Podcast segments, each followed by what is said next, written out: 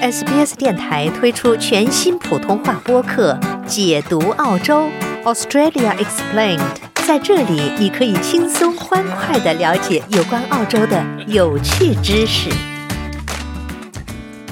呃，就像大家一直所关注到的一样，呃，最近的中国大陆其实娱乐圈最经常出现一些争议性的案件啊。嗯。呃，包括呃郑爽代孕啊，华晨宇未婚生子啊，之前的 PG One 出轨啊，肖战事件啊等等。那最近这一个月最轰动的，应该就是吴亦凡的这个性丑闻事件了。那甚至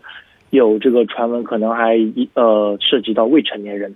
呃，吴亦凡呢，他也于二零二一年的七月三十一日，由北京警方呢已经刑拘处理了。那这个事件呢，已经不仅仅是娱乐圈的一个丑闻了，可能还会牵扯到性犯罪相关的刑事法律问题，也引起了中国社会对于这个女性权利，特别是明星与女性权利，呃，有这个交接的时候，这个权利的讨论，呃，被称为中国版的这个 Burning s o n g 的这个事件。此案件呢，可能会涉及到强奸罪、敲敲诈勒索罪、侮辱诽谤罪。境外人士犯法的属地法律管辖权问题，那么就引发出一个讨论。我们生活在澳洲，朋友分身边的朋友都会问到说，如果吴亦凡的事件发生在澳大利亚。那这些问题，澳大利亚和澳大利亚警方在法律当中应该会怎么处理它了？嗯，对的，你刚刚提到哈，这个事件的最核心内容就是性侵哈，特别是还牵扯到了一些未成年人。那说到其实跟这个成年人的这个就是性行为哈，中间可能也涉及到这个概念，就是是否是违背对方的一个意志哈，就是我们说的就是 consent。那像这方面的这个取证可能不太容易啊，因为说是不是同意，可能会有一个事先事后 变卦的这样的一个呃这个这样的可能性存在。那如果像在呃澳大利亚警察遇到这种类类型的性侵事件，他们会如何的来进行调查呢？嗯，有一点是大前提啊，就无论是在中国还是澳洲，违背对方意愿的情况下与他人发生性关系的，都是严重的这个刑事犯罪行为。就像您说的，没有得到 consent。我们以这个新南威尔士州的刑法 Crimes Act 一九零零为例，在第六十一条 I 当中明确规定。关于性侵的描述当中啊，强奸可能可以导致最高十四年的一个监禁，这其实比中国在普通的这个行为当中还要严峻、呃严重的一个处罚。那么，如果面对这个警察主动的这个调查，都女士如果保持着和他之前发表的言论都是一样的控诉内容的话，那警方可能会询问他以下几个问题。嗯，第一个问题。朱女士事发当天的位置是否和她呃控诉的这个地址是一致的？那警方可以通过手机号码 GPS 来定位。呃，第二个问题，杜女士手机里面是否有相关的证据来支持？比如说当时 party 的照片啊，或者短信记录，比如说约时间、地点啊，呃，包括当时的沟通啊、通话记录、交通记录有没有导航等等啊，去往那个地方相关证据。第三个问题。都女士是否有诽谤吴的这个动机？嗯，第就主观上了，除了刚才客观的两个证据。第四个，呃，都女士是否是一个可让人相信的人？包括她的人格，包括她的品格，她是否她的证词是可以被相信的？当警方如果通过经验，包括取证，能确认以上几个问题之后，会进行这个呃都美竹女士的这个证据证词的这个采纳、录音或者是笔录。警方呢就很有可能按照这个口供作为证据，对这个吴亦凡进行立案调查，然后呢实施逮捕。其实到今天我们刚才所说的这几步，警方可能已经都已经完成了。嗯，呃，这里边牵扯的这个就是法律的点是蛮多的哈。那如果像这个事情，就我们说发生在澳大利亚的话，那警察会以哪些罪名来起诉当事人呢？会起诉什么样的罪？以及他们这个起诉的凭据又是什么呢？对。呃，可能会涉及到以下三个大的问题，法律的罪行的问题，跟一个管辖权的问题啊。这三个大的罪的问题，我们一一我们跟观众朋友们、呃听众朋友们聊下来。第一个呢是强奸罪，嗯，第二个呢是侮辱罪或者诽谤罪，第三个呢是敲诈勒索罪，最后呢就是境外人士犯法的属地法律管辖权的问题。嗯，这几个罪跟管辖权呢，我们都一一。在中国跟澳洲都进行一个比较，嗯，让听众朋友们有更加了解这里面的法律问题。嗯嗯，好，那我们首先看一下这个强奸罪哈，嗯嗯，是的，关于强奸罪，呃，吴亦凡呢会有被指控这个诱骗跟灌醉多名女性来实施性侵，包括未成年人，这是他现在被指控、被怀疑的一个内容。那么，强奸罪规定在澳大利亚的一九一八九九年刑法典的第三十二章，分为两种，一种呢是强奸罪，一种呢是性侵罪。如果要构成强奸罪呢，我们必须要满足三个要素。第一个要素就是，哎，与受害人发生了这样的性交行为。嗯。第二个呢，就是未经受害人的同意。第三个呢是，哎，我知道他受害人表示出了未同意，而不是我作为侵害人，我不知道他同意不同意。所以这三点必须要满足。那在这里呢，最重要的其实就是要证明受害人是否同意该性交行为，就第二点，就是像您所说到的 consent 的这个问题。呃，在澳大利亚呢，这样的 consent 啊，是指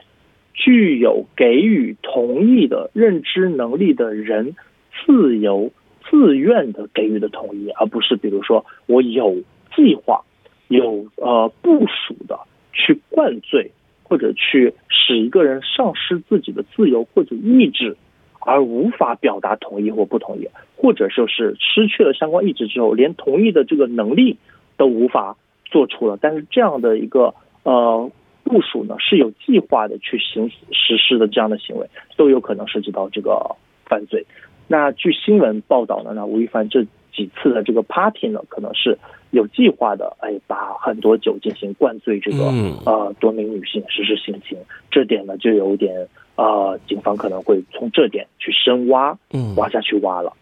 那未成年人更严重了。如果未成年人他因为未成年人他没有完整的这个民事行为能力的，呃，所以未成年人不能表示同意。澳大利亚法律规定，十二岁以下的儿童为不能表示同意的未成年人。嗯，那中国呢，对这个呢会年龄高一点点，是十四十四周岁。嗯，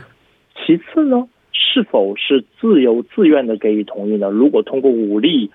被迫同意，或者通过威胁恐吓不得不同意。或者呢，害怕女性啊，害怕自己身体受到伤害，才同意；或者呢，受害人错误的相信这个侵害人啊，他是该人的这个性伴侣，这些呢都不属于自由自愿的给予同意。如果吴亦凡涉及到我们上面所说到的这些问题，而构成澳洲的强奸罪的话，那对于强奸罪，那最高的刑罚是终身监禁。这跟在中国，如果是行为恶劣或者涉及到未成年人的话，也是会达到最高监禁甚至死刑的这个可能。嗯，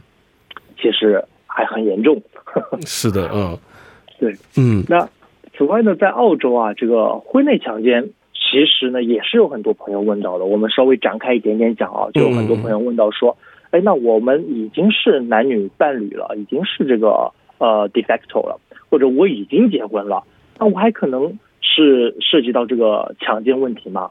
艾伦，我不知道您是否有朋友在您身边一起有讨论过这样的问题，会有有有看过这样的一些案件哈，当时就觉得很诧异，就是说咱们都说是婚外性行为哈，或者说像可能会涉及到重婚罪这样的，但是很多案例里边就是说啊，夫妻双方哈，只不过是有一方没有同意发生性行为的话，在法律里边也是不允不允许的。我这看到是中国的案件，所以说在澳大利亚这边也是这个情况吗？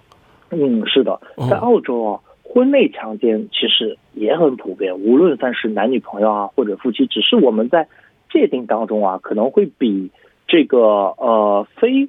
现那个情侣或者非性伴侣当中的这个界定的标准会相对高一些，因为他们俩的动机可能会少一些，而且两个人生活在一起。已经很久的一个关系，或者已经是法定关系了，所以很难去确认说某一次或者某一方没有给予给予一个 consent 的一个性同意。嗯，但如果一方在一次的性行为之前已经明确的表达出了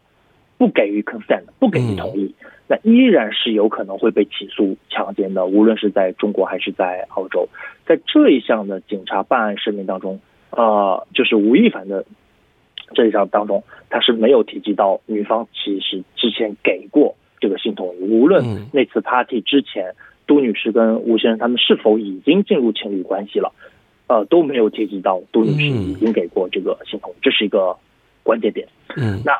换句话说，如果杜女士事后要挟要求补偿，这是另一个问题啊，再延伸出来，如果她要求补偿，也不会，尽管得到了补偿，也无也不会使得呃吴亦凡单这个强奸或者性侵的行为洗白。并不是说，哎，你补偿了这个行为就结束了，并没有。所以，如果杜女士事后要求补偿，或者事后要求这个呃诽谤的话，那是杜女士涉及到了另一个问题了。嗯，